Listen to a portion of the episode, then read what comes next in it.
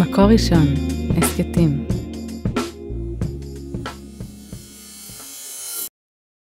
אני רוצה לפתוח בסיפור ישן, אה, 1950 שנה בערך. סיפור עתיק, אבל כולו התחדשות. במידה רבה זה סיפור היסוד המכונן שלנו.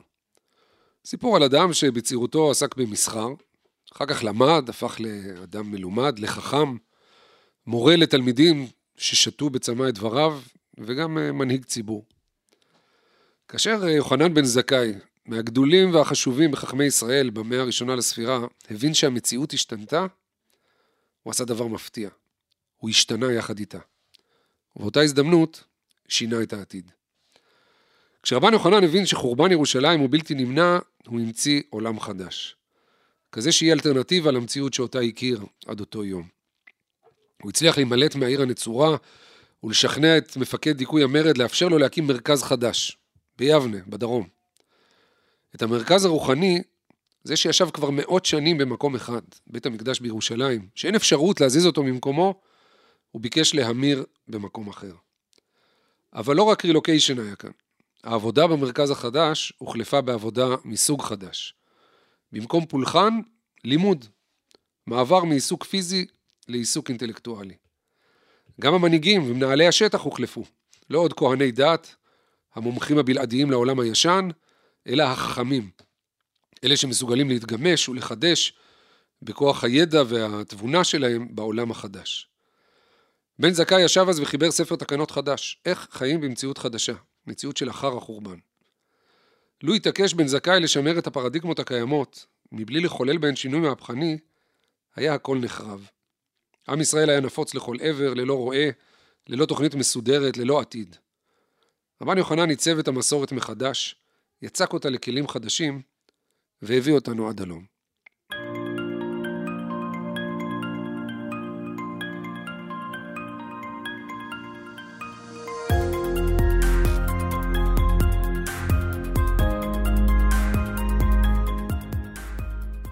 ברוכים הבאים להסכת של אומת החדשנות מבית מקור ראשון. אתם מאזינים לסטארט-אפ, שיחות על חדשנות, על יזמות, על יצירתיות ועל הקשר של כל אלה לראש היהודי, או אם תרצו ל-Start-Up Nation. אני שמוליק פאוסט, עורך מדור הספרים במוסף שבת של מקור ראשון, דוקטור לספרות האגדה, כותב ומרצה על חשיבה תלמודית וזיקתה לחדשנות, יצירתיות ויזמות. והאורח שלי היום הוא נועם מנלה. נועם הוא חוקר תודעה דיגיטלית, ההשפעה של הטכנולוגיה והרשתות על אה, השיתופיות, על חדשנות עסקית וארגונית. מרצה לתואר שני במכללה למינהל, סופר בינלאומי שכותב על שחמט ועל יצירתיות. שלום נועם. אהלן. תודה שבאת אלינו. אה, אני מעריך את המאמץ שעשית. אה, אבל אולי תספר לנו אתה קצת על עצמך, מה שאתה עושה, במה אתה מתעניין, איך הגעת לזה אולי? אז קודם כל הגעתי לפה מחו"ל, הגעתי מתל אביב. אני חושב לפריז יותר מהר להגיע מאשר מתל אביב לירושלים. מבחינה תודעתית, אתה חוקר תודעה. מבחינה פיזית. אוקיי. אז אמרת שאני בעצם חוקר את תודעה דיגיטלית, מה, מה שאני מנסה להבין היום, איך בעצם הטכנולוגיה, הדיגיטל והרשתות החברתיות מעצבות את התודעה שלנו מחדש. מה זה תודעה? תודעה זה בכלל האופן שבו אני תופס את העולם מבחינה מחשבתית, רגשית, ערכים, נכון, לא נכון. ובגלל הכוחות האדירים שנכנסים אלינו, כולל דרך אגב בוטים ו-fake news וכל מה שאנחנו אוהבים להגיד והפלטפורמות וכל הבליל הזה, בסוף נכנס לבן אדם, בקצה שלו, יש בן אדם ומשהו קורה לו, משהו לתפיסת העולם קורה לו. וכשאנחנו לוקחים את האדם הזה ומכפילים אותו במאות מיליונים, אז האנושות זזה בקצב מטורף ואחר, ואת זה אני חוקר. מרמה של מחאות, אפרופו המחאה שיש היום במדינת ישראל, אבל אני חוקר מחאות מ-2010 כבר, ואיך זה משפיע על הצבא ועל ההיררכיה ועל האמון ועל הדמוקרטיה, וזה לא תופעות ישראליות, מה שאנחנו רואים עכשיו, תופעות עולמיות, ולכל מקום יש כמובן את הייחוד שלו. ואתה קצת, איך הגעת לזה? מה למדת? מה, או מה חווית? מה סקרן אותך? איך הגעת לזה? אז... בכוונה מחזיר אותך לפן האישי. אז אוקיי, אז בעברי הייתי איש פרסום, אה, דרך אגב, הייתי בבדיקות לפני כמה זמן, והרופא אמר לי שאני נקי מזה לגמרי, בסדר? זה, זה באמת, אז חשבתי שזה נפלא, היום אני חושב שזה בעייתי מאוד, אבל כאיש פרסום שעוסק בקריאייטיב ואסטרטגיה וכל המילים הגדולות האלה, אה, ניסיתי להבין איך אנשים פועלים, איך אנשים חושבים, מה מניע אותם. בסוף זה היה בשביל למכור להם משחת שיניים קולגייט או יונדאי i10, בסדר? זה... כן. אבל את כל הדבר הזה, את כל, ה... את כל הידע הזה, כשנכנסו הרשתות החברתיות לתוך החיים שלנו, לקחתי לחקר הרשתות החברתיות, תחום שרק הלך והתפתח באותה תקופה, בעיקר באקדמיה, אבל האקדמיים, החוקרים האקדמיים לעולם לא עסקו בזה. כן. אז לי היה את הייחוד של בעצם, גם עסקתי בזה ואני גם חוקר את, ה, את הדבר הזה. ו, ועם השנים התגלגלתי עם הטכנולוגיה והרשתות החברתיות להבין לעומק יותר את התופעות האלה, והיום אנחנו כבר באוניברסיטת רייכמן הקמנו מסלול חדש, נקרא על תודעה והשפעה, שאנשים ממש לומדים את זה, זה תחום אקדמי מתהווה, שבו אנחנו ממשיגים מחדש את העולם, את החיים, זה ממש אה, בחיתוליו. שזה ממש חלק ממה שדיברתי עליו אה, קודם, של להתאים את עצמך למציאות המשתנה. כלומר, שגם האקדמיה, לא רק המקצועות המסורתיים, הקלאסיים, שכבר עשרות או מאות שנים. חד משמעית, מדהים. וגם השיטה, וגם האופן שבו אנחנו כן. מלמדים, והאופן, מה שאנחנו דורשים מהסטודנטים, הוא הכל אחר, וכשה... ו, ובעניין הזה, כל תפיסת העולם שלי וההרצאות שלי, ואיך שאני תופס את העולם, זה, אה, אני קורא לזה be water. כש-be water מגיע בעצם מפילוסופיה הסינית לאו זה, אני מניח שזה קיים גם במקורות היהודיים, לדעתי בספר איוב יש את המשפט אבנים שחקו מים, שבעצם זה מין רעיון דומה, אבל בפילוסופיה הסינית זה עמוק. וברוס לי, הלוחם הקונג פו האגדי והלוחם החברתי והפילוסוף, בשנת 1971 בראיון טלוויזיה אייקוני בהונג קונג, הוא מסתכל על העולם שבו הוא חי, 52 שנה מהיום, במונחים של היום זה עולם נורא איטי. אבל הוא מסתכל והעולם נראה לו כאוטי, דינמי, משתנה, והוא אומר, בעולם כל כך מוטרף, אתה צריך אה, להיות כמו מים, כי המים גם מתאימים את עצמם לסביבה, אבל הם גם משפיעים על הסביבה. ו- ו- וניקח את החמישים שנה קדימה, אז אנחנו הכי חייבים להיות היום אה, כמו מים, כי אם אין לך גמישות מחשבתית, אז אתה מתקשה מאוד להכיל... כמו מים ולפעמים כמו גשרים על המים.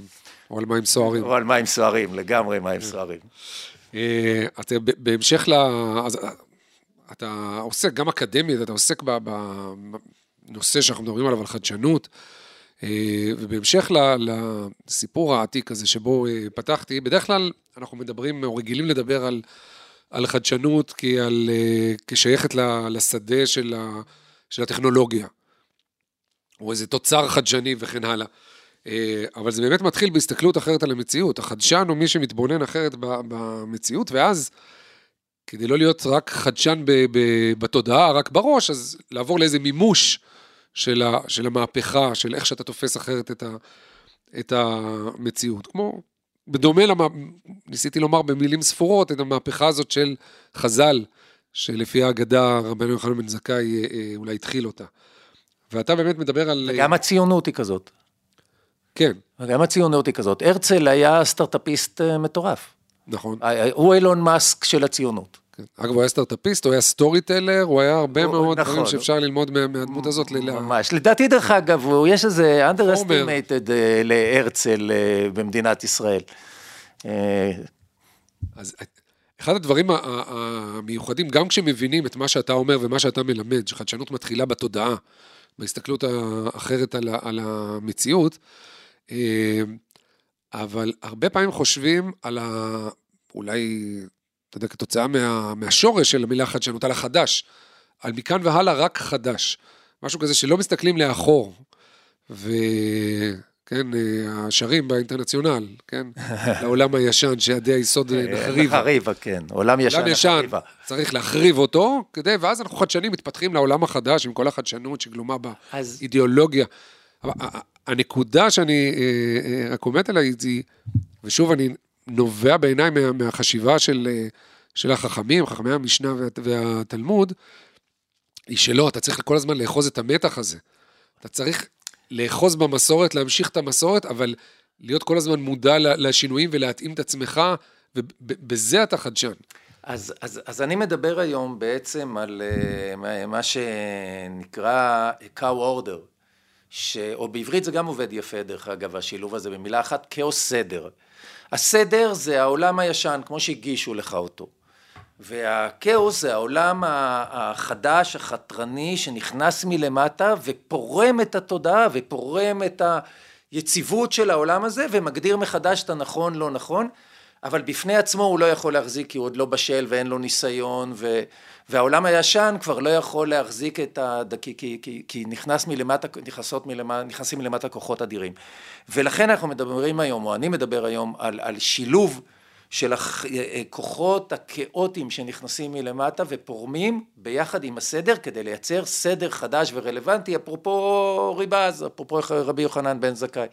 שניסה לייצר סדר חדש בתוך מציאות מאוד מאוד אה, אה, כאוטית, אבל מושתתת על משהו מאוד מאוד עמוק בסדר הישן.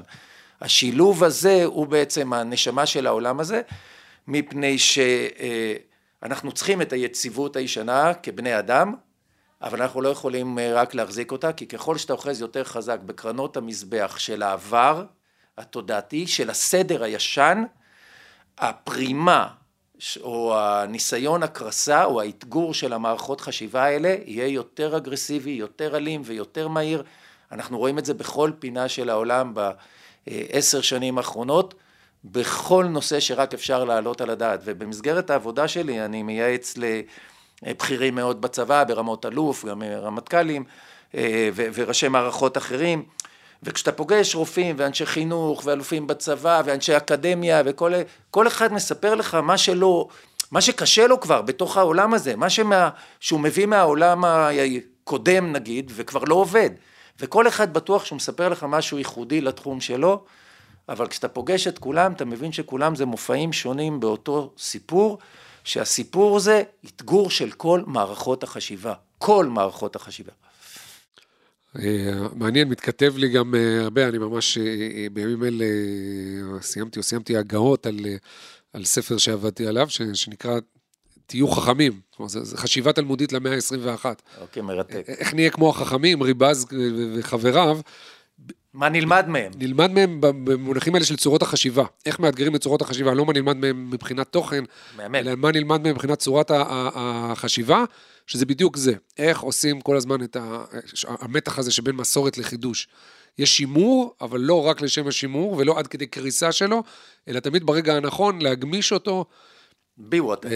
בי ווטר, או קרוב לווטר, יש, יש עוד uh, אמירה, משל כזה, שאומרים, uh, לעולם יהיה אדם, איך uh, שחז"ל אומרים, לעולם יהיה אדם רך כקנה ולא קשה כארז.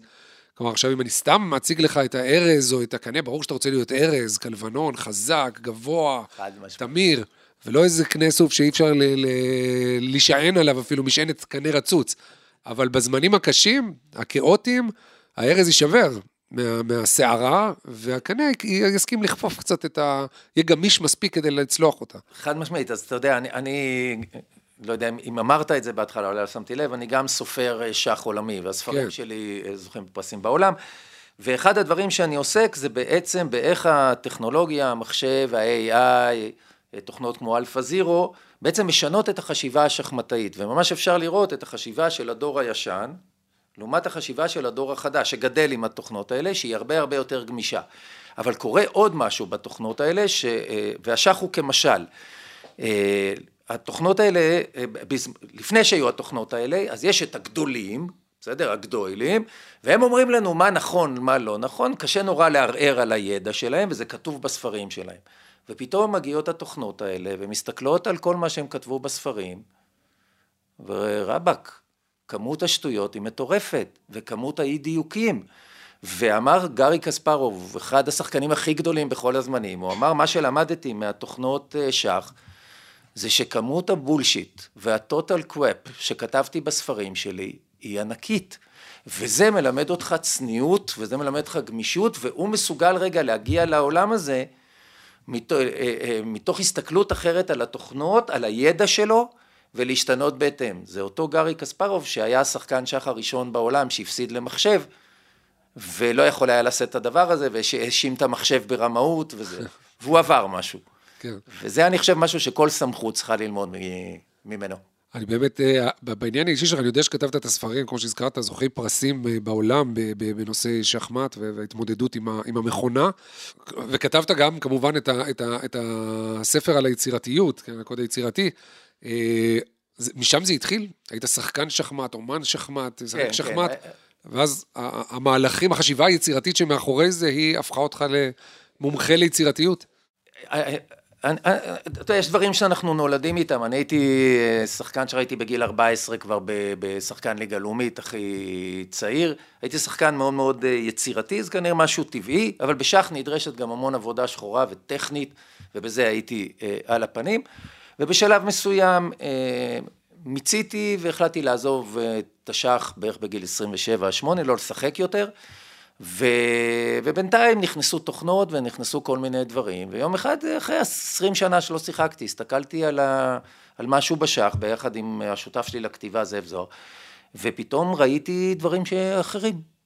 ואמרתי, וואו, קרה משהו מדהים, אני רוצה להבין את זה, ואני רוצה לחקור את זה, ומפה נכנסתי לשח בכלל ממקום אחר לחלוטין, שמסתכל עליו דווקא כמישהו שלא היה בפנים 20 שנה. אולי אם הייתי בפנים לא הייתי רואה את זה בצורה הזאת. צריך את הפרספקטיבה, צריך לצאת החוצה. אבל צריך את הפרספקטיבה, נכון. אז זה הוביל אותך לעיסוק היותר אה, מקצועי ביצירתיות, או הפוך? לא, אני חושב שזה בד בבד, כי אני חושב שזה משהו שטבוע בי, ולכן המשכתי גם לעולם הפרסום, שאז כשאני התחלתי בשנות ה-90 נחשב לפסגת היצירתיות והביטוי בתוך העולמות האלה.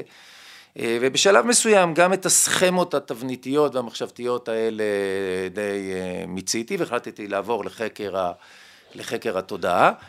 אה, אבל את כל מה שלמדתי בתוך העולם הזה על יצירתיות ואיך המכניזמים האלה עובדים, אז הוצאתי באותו, באותו ספר שנקרא הקוד היצירתי, שעכשיו גם המחאות וגם דווקא ה-AI נותן לו חיים חדשים ומאוד רלוונטיים.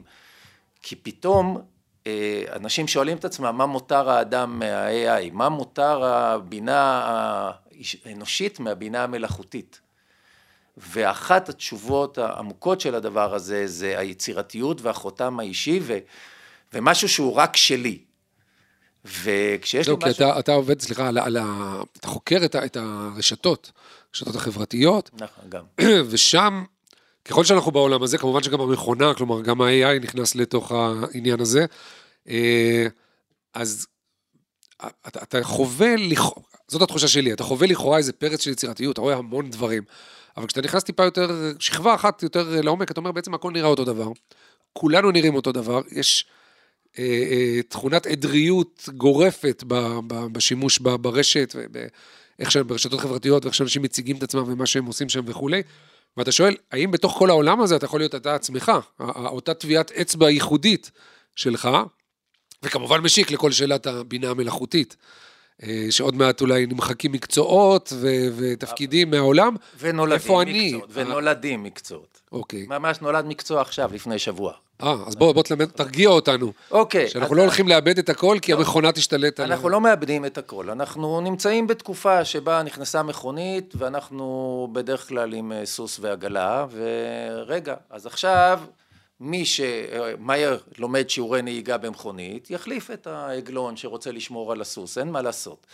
אבל אז המכונית היא מקצוע חדש, והעגלון הוא מקצוע ישן, וזה בעצם מה שהולך לנו, אנשים אומרים AI יחליף אותי. לא, החשש היה שהמכונית היא אוטונומית, היא כבר לא צריכה את הנהג בכלל. לא, קודם כל היא צריכה, ואנחנו יודעים שהיא צריכה, אוקיי. וה-AI על אחת כמה וכמה.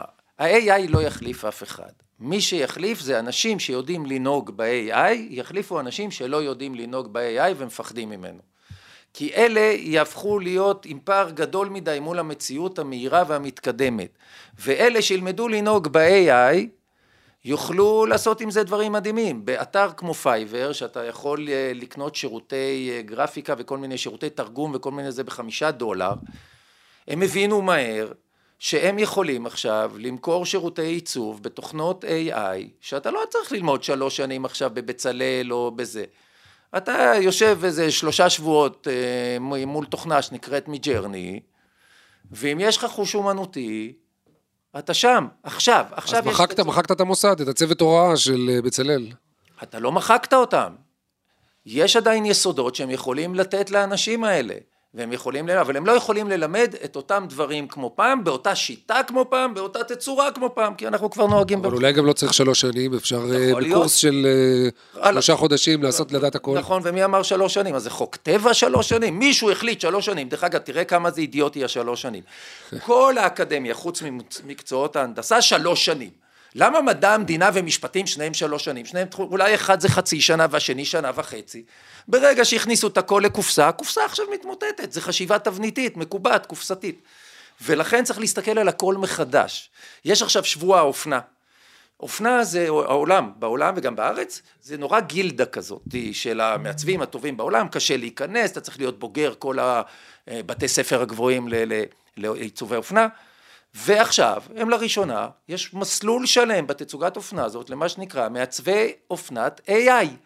זה אומר, בינה מלאכותית, זה אומר שהם ייכנסו לכל מיני תוכנות, ושם הם יכולים לעצב מחדש. וזה אנשים שיכולים להיות ממקסיקו, מניגריה, מישראל, לא גמרו שנקר, והעבודות שלהם יוצגו עכשיו ויימכרו. וזה מדהים, תחשוב כמה אנשים נכנסים למעגל הזה. לא, זה, זה מדהים שה, שהממסד מאפשר את זה, ולא פוחד שזה... כי הוא פתאום נהיה, כי הוא פתאום נפתח. כן, כי צריך... וככה כל ממסד הממסד חייב צריך. להיפתח לדברים האלה. כל ממסד חייב להיפתח. אני אתן לך את זה מאוד דוגמה, בסדר? כי נורא מעניינת דווקא, יש עכשיו מקצוע שנקרא prompt master. זה דבר חדש, אה, זה בחברה שגוגל קנתה לפני אה, אה, שבועיים בעשרות מיליונים, הם מחפשים prompt master. אני עכשיו מכניס את זה לצבא, את המקצוע הזה. מה זה prompt master? prompt זה בעצם השורה שבה אני עובד עם ה-AI, הלוחש ל-AI. כי ה-AI בפני עצמו ייתן לך תשובות אידיוטיות, או לא מדויקות, או לא מה שאתה רוצה. אתה צריך לעבוד איתו, אתה צריך לדעת לנסח, אתה צריך לדעת להיות לוגי, אתה צריך לבנות משפט, בשביל שתוכל להוציא ממנו, אתה צריך להיות עם המון המון ידע רב תחומי. ופתאום אתה מסתכל על רשימת הדרישות קבלה שהם פרסמו, החברה הזאת, אנתרופי, חברת טכנולוגיה, ואתה מסתכל ואתה אומר וואלה, זה הכי מתאים לבוגרי פילוסופיה ומדעי הרוח. עכשיו מה אמרו שנים לילד שרצה ללמוד מדעי הרוח? אין מה לעשות עם זה, מה תעשה עם זה ההורה אמר לו, תהיה פרקטי.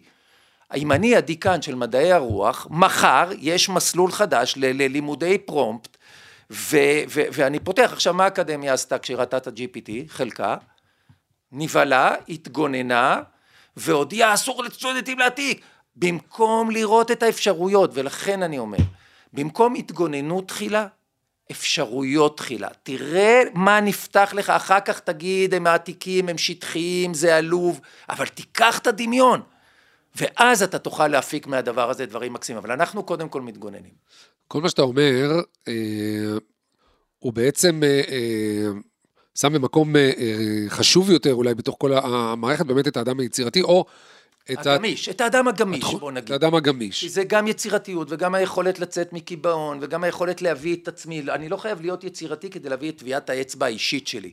ה-AI לעולם לא יוכל להחליף טביעת אצבע אישית, הוא יוכל להחליף כל טכנוקרט, כי נקודת הסיום של הטכנוקרט היא נקודת ההתחלה של ה-AI, כי הוא מזהה תבניות והוא מיד אה, יודע לעשות יותר טוב. לעומת זאת נקודת הסיום של ה-AI היא נקודת ההתחלה של מי שמביא את עצמו, את, טביעת האצבע האישית שלו, את היצירתיות, ואז אתה עובד איתו כצוות, והשמיים הם הגבול. איך אגב אתה, אתה בטח אה, כתבת את הספר, אתה אוטוריטה לשאול אותו את השאלה שאני שואל פה הרבה מהאורחים שלי, מה ההגדרה שלך, מה ההגדרה היצירתית שלך ליצירתיות? בעיניי זה תזהה את התבנית ותפעל בניגוד לתבנית המקובלת באותו תחום. איך שאנשים כותבים, איך שאנשים מדברים, איך שאנשים נראים, איך שאנשים שרים. לחשוב אחרת, או לעשות אחרת? ולזהות קודם כל את התבנית. אוקיי. ואז ל- ל- להבין אם אתה עושה שוב את אותה תבנית שחוקה, או שאתה מביא משהו אחר, שהוא הוא מין טביעת אצבע ייחוד, ואז יש לך משהו יצירתי. אה, כי אם אתה עושה כמו כולם, אתה נבלע, גם אם כולם עושים משהו יצירתי ואתה עושה את אותה יצירתי, היא כבר לא יצירתית יותר, היא כבר שבלונה. דיברנו על, ה, על, ה, על, ה, על התודעה בהקשר הזה של, של העידן הדיגיטלי. אה, חלק מהמחקר שלך, אני מבין, העולם הדיגיטלי, הרשתות החברתיות, מעצבים לנו את התודעה באופן אחר? שוב, זה לא רק העניין של השימוש הנכון או הלא נכון שלנו במדיה, כן, יש לנו שני דברים שהם עשו, ועכשיו ה-AI והתוכנות האלה, ה-chat GPT וה-Midjourney וזה, עושות עוד יותר, אה, בצורה עוד יותר חזקה. ובעצם אנחנו נמצאים, אם אתה מכיר את אה, קץ ההיסטוריה של פוקויאמה, כן. אז אנחנו היום עוברים מקצב... מרבים לדבר עליה בימים כן, האלה. שדרך אגב, כן. הוא לא פגע כמובן, זה, זה כן. טעות מוחלטת, הוא חשב שאין יותר אידיאולוגיות גדולות, ו... אבל אה, אם נדבר רגע בטרמינולוגיה הזאת, אז אנחנו עוברים מקץ ההיסטוריה לקץ הוודאות. זה הדבר המרכזי שהעולם הרשתי והטכנולוגי יצר. אין יותר אמת אחת, מונוליטית, שרוב האנשים מחזיקים בה. עכשיו, אם הזכרת את פוקויאמה, אפשר רק, רק בגלל הצליל, אפשר להזכיר גם בהקשר הזה את פוקו וזה, כלומר, מה שאני רוצה נכון, נכון, לשאול, נכון. זה האם התיאוריות הביקורתיות, הפוסט-מודרניות, לא כבר בישרו לפני עשרות שנים את מה שאתה אומר עכשיו? כן עידן ולא. כן. של חוסר סמכות, של חוסר אמת אחת אבסולוטית. אבל מה ההבדל? שאז הם היו כמה, אה, כמו פוקו באקדמיה, המציאות לא הייתה כזאת. הם ראו מתחת למציאות. הם אמרו, המציאות שאנשים חווים היא לא המציאות הנכונה, המציאות האחרת היא הסמכות נעקרת ונפרמת, ו... ו... אה, ולכן הם נחשבו לחתרנים. היום זו המציאות. אם הם היו אומרים את זה היום, היו אומרים לו, "אה, בוקר טוב, עכשיו אתה מגיע. היום זאת המציאות שלנו, קץ הוודאות, וצריך להבין משהו על, ה, על העבר שבו אנחנו חיינו. אנשים חושבים שפעם הייתה אמת, והיום אין יותר אמת, היא התפוררה לחלוטין. גם פעם לא הייתה אמת. האמת נשלטה על ידי מעט מאוד שחקנים, שהנחילו לנו אותה בתהליך שנקרא אינדוקטרינציה, הנחלה של אה, דעות ורעיונות דרך בית ספר ודרך תקשורת, הכל נשלט בידי נורא מעט שחקנים. מה כן היה? אנחנו הסכמנו, הייתה הסכמה חברתית, שמה שאומרים לנו זו אמת, וכולנו התאגדנו סביב האמת הזאת, ימינה, שמאלה, קצת זליגות, אבל בגדול החזקנו באיזה כמה אמיתות משותפות ויכולנו להחזיק את הדבר הזה. מה שהרשתות עשו, בגלל שהם הכניסו למשחק מיליארדים של שחקנים, וכוחות שהיו מודחקים או מוכחשים קיבלו פתאום במה, ראינו שהאמת הזאת היא לא כזאת אמת, ופתאום לצד האמת הזאת יש עוד 200 אמיתות אחרות, ויש מיליוני נרטיבים, ולכן בארצות הברית למשל, חגים מתים וחגים נולדים. קולומבוס, שאם תעשה ויקיפדיה, תשאל מי זה קולומבוס, תשאל אנשים, יגידו לך גילה את אמריקה. זה הייתה האמת המוסכמת. כן. זה הוא לא בהכרח גילה את אמריקה, הוא גם טעה בדרך וגם קרא לאינדיאנים הודים, נכון? גם אינדיאנים. גילו אותה לפניו. אבל אם אתה שואל אינדיאנים, מי זה קולומבוס בשבילכם? כל שהיה מושתק עשרות ומאות שנים. היום יש להם יוטיוב, יש להם רשת, יש להם טיק טוק. אז מה, מה הם אומרים? הטרוריסט הראשון באירופה, בארצות הברית. מה זאת אומרת גילה את אמריקה? חיו פה מיליונים של אנשים, בן אדם היה בור ועם הארץ, וגם הרג אותנו. ולכן לא צריך להיות לו חג. ובחלק מהמדינות בארצות הברית ביטלו את החג שנקרא Columbus Day, והשנה לראשונה נחגג ג'ונטינס, שזה יום שחרור העבדות. זאת אומרת, הנרטיב נכנס והתמסד, והנרטיב ההוא גבה ומת, והם מתחילים להוריד אותו מהבמה, וזה קורה לנו בכל פינה. ועכשיו אנחנו מתחילים לריב על האמת, על הנרטיבים, ויש עשרות נרטיבים שמרכיבים, אלפי נרטיבים את התודעה שלנו, ואנחנו רבים כמעט על כל, על כל דבר. והרשת הזאת עשתה עוד שני דברים. היא בעצם ביטלה את האמצע בעולם, אפשר לראות את זה במדינת ישראל מאוד מאוד חזק.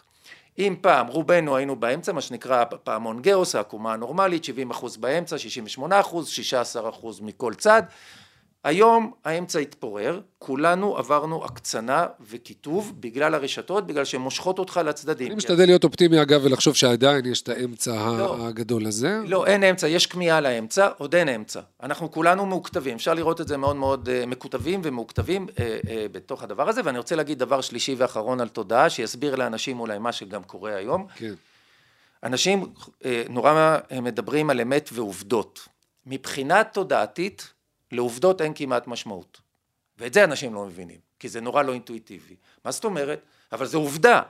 רוב העובדות שאנחנו יכולים, אה, אה, שאנחנו חווים אותן בחיים כעובדה מוחלטת, זה ברמת האור האדום ברמזור, או הירוק. מעבר לזה, אם אנחנו נכנסים כבר, אנחנו נכנסים גם אם נסכים על העובדה, לא בטוח שנסכים עליה, אבל אם נסכים עליה, נתחיל לריב על הפרשנות שלה, ועל הרגש שלה, והאם זה הרבה או מעט, זה טוב או לא טוב העובדה הזאת, ולכן לעובדה אין כמעט משמעות. ולכן הדיבור על עובדות או רציונליות בעידן של התפרקות האמת לחלקיקים, לפרקטלים, היא לא רלוונטית. מבחינה תודעתית, נכון לדבר רגש, נכון לדבר על נרטיבים, נכון לדבר על המציאות שבה אנחנו נמצאים ועל הגמישות המחשבתית, וזה, ה... ועל ערכים, זה הסיפור. אם אני לוקח, אני מקצין קצת את מה שאתה אומר, אז גם טענה מרכזית אה, שנשמעת היום, אה, גם אי אפשר לדבר על, אה, אז על fake news, או על פוסט אמת.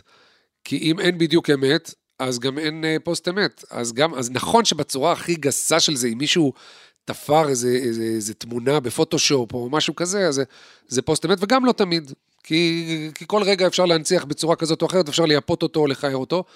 אז, אז גם את זה אין לנו, כלומר, המאבק בפוסט אמת, ב-fake news, מהימין האמריקאי או בכל מקום אחר בעולם, כבר... אה, לגמרי. זה מאבד משמעות, לפי מה שאתה... נכון, ולכן צריך ללמד אותנו מגיל אפס חשיבה ביקורתית כלפי כל מידע שאנחנו מקבלים, כדי להבין האם הוא נכון, לא נכון, האם עושים עלינו מניפולציה. במקומות מסוימים בעולם, כמו אסטוניה או מדינות כאלה, כבר מלמדים ילדים מכיתה א', חשיבה ביקורתית. בישראל מלמדים את הילדים חשיבה צייתנית.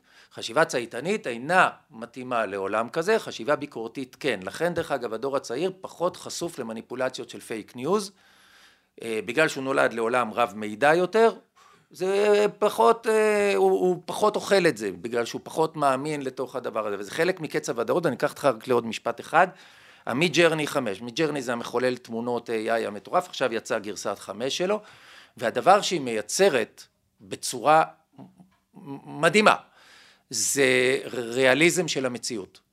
זאת אומרת, אני יושב עם התוכנה הזאת, ואני מחליט עכשיו לעשות, אה, ראיתי פשוט את זה בפייסבוק הבוקר, אה, מישהו החליט לעשות אה, תמונות שואה, וזה נראה לחלוטין תמונות שואה, וזה לא היה ולא נברא. זה מטורף, זה בחמש דקות הוא עשה קרוב לחמישים תמונות שואה מכל מיני מחנות השמדה וכל מיני מקומות, ו, ותחשוב עכשיו שמישהו עושה אותו דבר רק הפוך. הוא, הוא הכניס תמונות קיימות, לא, לא והם מכניס, קיבלו את הצבע או את האיכות לא, של... אתה הזה? לא מכניס תמונות. אה, אוקיי. אתה אומר לו מה אתה רוצה, הוא הולך למאגר אה, זה ממש- התמונות של האינטרנט, אוקיי. ששם יש טריליונים על טריליונים של תמונות, ובאמצעות ההוראות, הבנתי. הוא לוקח פרצוף מפה ויד מפה, ורגל משם וגדר מפה, ועושה לך ריאליזם פסיכי. זה מפחיד.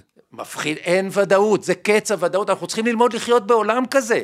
כי אם זה מפחיד אותך, ואם אתה רוצה את העולם ההוא שידעתי שתמונה היא תמונה, זה לא יקרה, זה נגמר, אי אפשר לשלוט בזה, אלא באמצעות כוחות פשיסטיים ודיקטטוריים כמו פוטין, שמנסה לשלוט בעולם כזה, או בסין, על ידי זה שהם עוקבים אחרי כל בן אדם והם לא מכניסים טכנולוגיות והכל נעצר, זה המחיר.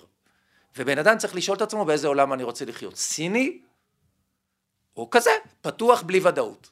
אז העולם הפתוח, אין בו סמכות, אין בו יש ודאות, סמכות, לא, לא, יש סמכות. אין בו אמת. אין ודאות, יש סמכות. מה הסמכות? אנחנו רוצים סמכות, כי אנחנו בני אדם, ובני אדם רוצים את הסמכות. הסמכות לא יכולה להיות הסמכות הישנה. היא לא יכולה לדבר ולחשוב לחלק מהאנשים כמו פעם, כי היא מייצרת חוסר אמון. המפקד בצבא לא יכול להיות אותו סוג של מפקד שלפני עשרים שנה פיקד עליי. לא יכול להיות. הוא צריך היום שיהיה לו מערכת רגשית הרבה יותר מורכבת, אה, מה שאני קורא היררכיה רב-מימדית, ואני עובד עם, עם הצבא על הדבר הזה, אנחנו היום מכניסים, אה, בונים עכשיו תוכנית ש, שקצין בבה"ד 1 ילמד את זה מבה"ד 1 עד קורס תתי אלופים, מפני שהם צריכים שיהיה להם מערכת רגשית שמסוגלת לה, אה, אה, להכיל את השניות הזאת של מתי הסמכות מושטחת ומתי היא, היא, היא, אתה, אתה מחזיר אותה כדי שהחיילים ירצו ללכת אחריך, כדי שהתלמידים ירצו ללמוד אצלך, כדי שהסטודנטים ירצו לדעת, כדי שאנשים ירצו לעב, אה, לעבוד אצל מנהלים. אז בעולם החדש הזה, שנדרשת, צריך לבנות בו איזו סמכות חדשה, זה, זה מושתת בעיקר על המימד הרגשי, אתה אומר? איזושהי... על, על הבנה חדשה של האדם שנמצא מולך. זאת אומרת, אני אתן לך את זה מהקורונה. כשהפרויקטור של הקורונה דיבר ואמר לנו לכו להתחסן, הוא דיבר בשפה מאוד מאוד סמכותנית. בשם המדע, בשם הזה, אני אומר לכם ללכת להתחסן, ויש המון אנשים שדוברים את השפה הזאת, שפה סמכותנית, והם אומרים וואלה, הוא אמר לי ואני הולך בשם המדע. ויש המון אנשים שמקשיבים למה שהוא אומר ואומר, "זה- השפה שלו לא מעוררת אמון, לא מדברים ככה היום, אני רוצה דיאלוג אחר איתו, אני רוצה שיענה לי על שאלות אחרות. ובגלל שהוא מדבר ככה, אני מאמין לו פחות, ולכן אני לא הולך להתחסן. זאת אומרת, במו פיו הוא יצר גם מתנגדי חיסונים. וזה בעצם הסיפור הגדול של סמכות בתוך העולם המתחדש, אנחנו רואים את זה גם במגזר החרדי, אנחנו רואים את זה בהרבה מאוד חברות. שהניסיון להחזיק את הסמכות הישנה בתצורה שלה קורס, אנחנו רוצים מנהל אחר, מפקד אחר, פרופסור אחר, על מנהיג אני לא אדבר. אם אני, אני שואל אותך עכשיו שאלה, אתה יודע, שתענה לי בחצי דקה על משהו שאתה יכול לתת עליו הרצאה של שעות, אה, איך אני מגיע לחשיבה, אני מבין שאני צריך להיות מים, אני צריך לחשוב שונה בתוך העולם. חלק מזה הוא מה שדיברנו עכשיו, אני צריך להשתחרר קצת מתמונות ישנות של סמכות, איך נראית סמכות, איך נראה ניהול. אבל מה זה to be water? מה, מה, מה אני... אז, אז, אז אני חושב שהדבר הזה זה, זה קודם כל להבין, זה קודם כל הבנה או נכונות להיפרד מהסכמות שאיתם הגעתי עד הלום, שחלק, דרך אגב, המון אנשים נורא הצליחו עם התבניות המחשבתיות והרגשיות הישנות האלה. הגיעו להיות אלוף בצבא, עכשיו אתה בא לאלוף בצבא, אתה אומר לו תשתנה, הוא אומר לך בואנה אני עם הישן הגעתי להיות אלוף, מה אתה מציע לי? אתה לא מציע לי כלום, אני גם לא מבין בזה הרבה, ואני אלוף, אני אלוף העולם בסכמות הישנות. אז קודם כל הנכונות להיפרד מהדבר הזה, להבין שהמון המון דברים שאמרו לנו, חלקם היו לא נכונים, וקיבלנו אותם, וחלקם הם היו נכונים לשעתם, וחלקם נכונים גם היום, ולהסתכל ולהבין מתי זה, זה כבר לא מחזיק מים. ולהיות מוכן להשתנות עם הדבר הזה ולא להגיד טוב אז אני דינוזאור אז אני כזה כי זה כניעה כניעה לעולם והדבר השני זה להבין בני אדם מחדש. הרי מה קורה? כשאנשים מתנהגים אחרת מהתבניות המחשבתיות הישנות שלנו אנחנו מיד נהיים שיפוטיים כי אנחנו לא מבינים את זה. ואז אנחנו מתחילים הם מפונקים הם עצלנים הם לא רוצים לעבוד הם לא חיילים כמונו הם לא מתמחים כמונו ברפואה הם לא סטודנטים כמונו וזה בולשיט מטורף. טוב מאוד שהם לא כמונו. אם הם היו כמונו העולם היה מתקבע. אנחנו צריכים להסתכל ורגע להבין ש, שיש להם סכמות אחרות, יש להם דגשים אחרים, לתת כבוד לדבר הזה, וכשנלמד ונבין את האדם מחדש כבר נשתנה בהתאם. אבל קודם כל להוריד את מפלס השיפוטיות שמגיע מתוך פחד.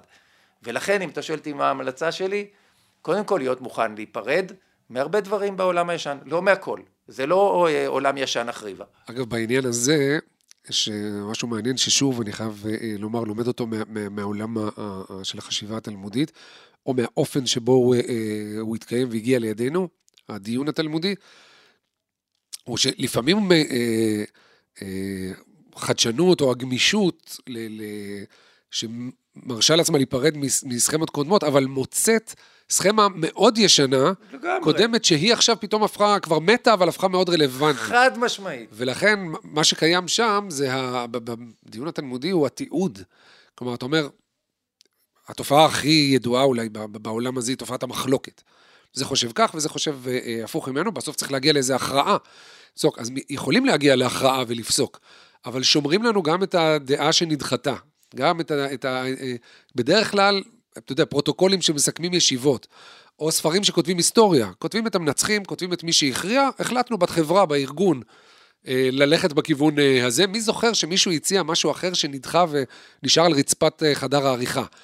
אבל התלמוד משאיר אותו. יכול להיות שעוד 500 שנה אחר כך, פתאום מישהו ישתמש בזה כתקדים למשהו שמתאים למציאות המשתנה. אז קודם כל מקסים, בי ווטר הוא כזה, זה 3,000 שנה, אבל דווקא צ'רצ'יל אה, השתמש בדיוק בשיטה המחשבתית הזאת, כשמינה במלחמת העולם השנייה אה, שר ימייה, ואמרו לו, אבל מה, מה אתה לוקח את זה? במלחמת העולם הראשונה או משהו כזה, הוא נכשל בקרב נורא נורא נורא גדול.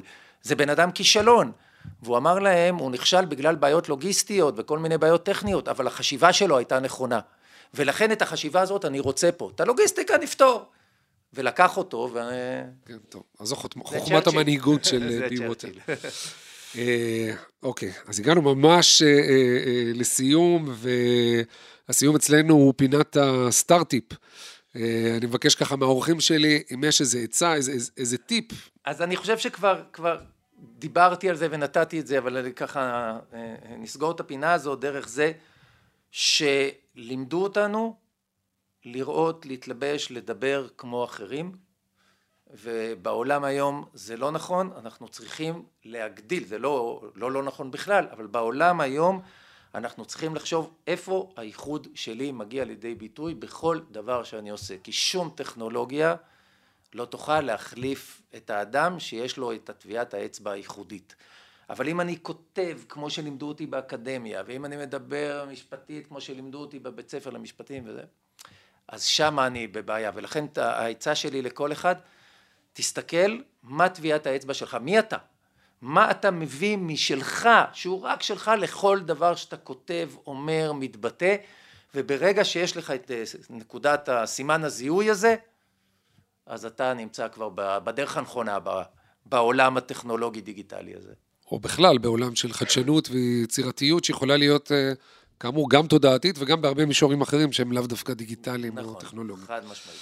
תודה רבה רבה לאורח שלי היום, נועה מנלה, תודה לאוהד אה, רובינשטיין על הסאונד, תודה לעדי שלם רבינוביץ' וליהודי טל על ההפקה, תודה רבה לכם שהאזנתם.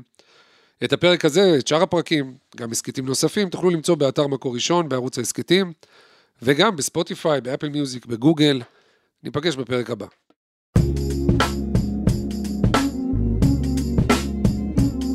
מקור ראשון, הסכתים.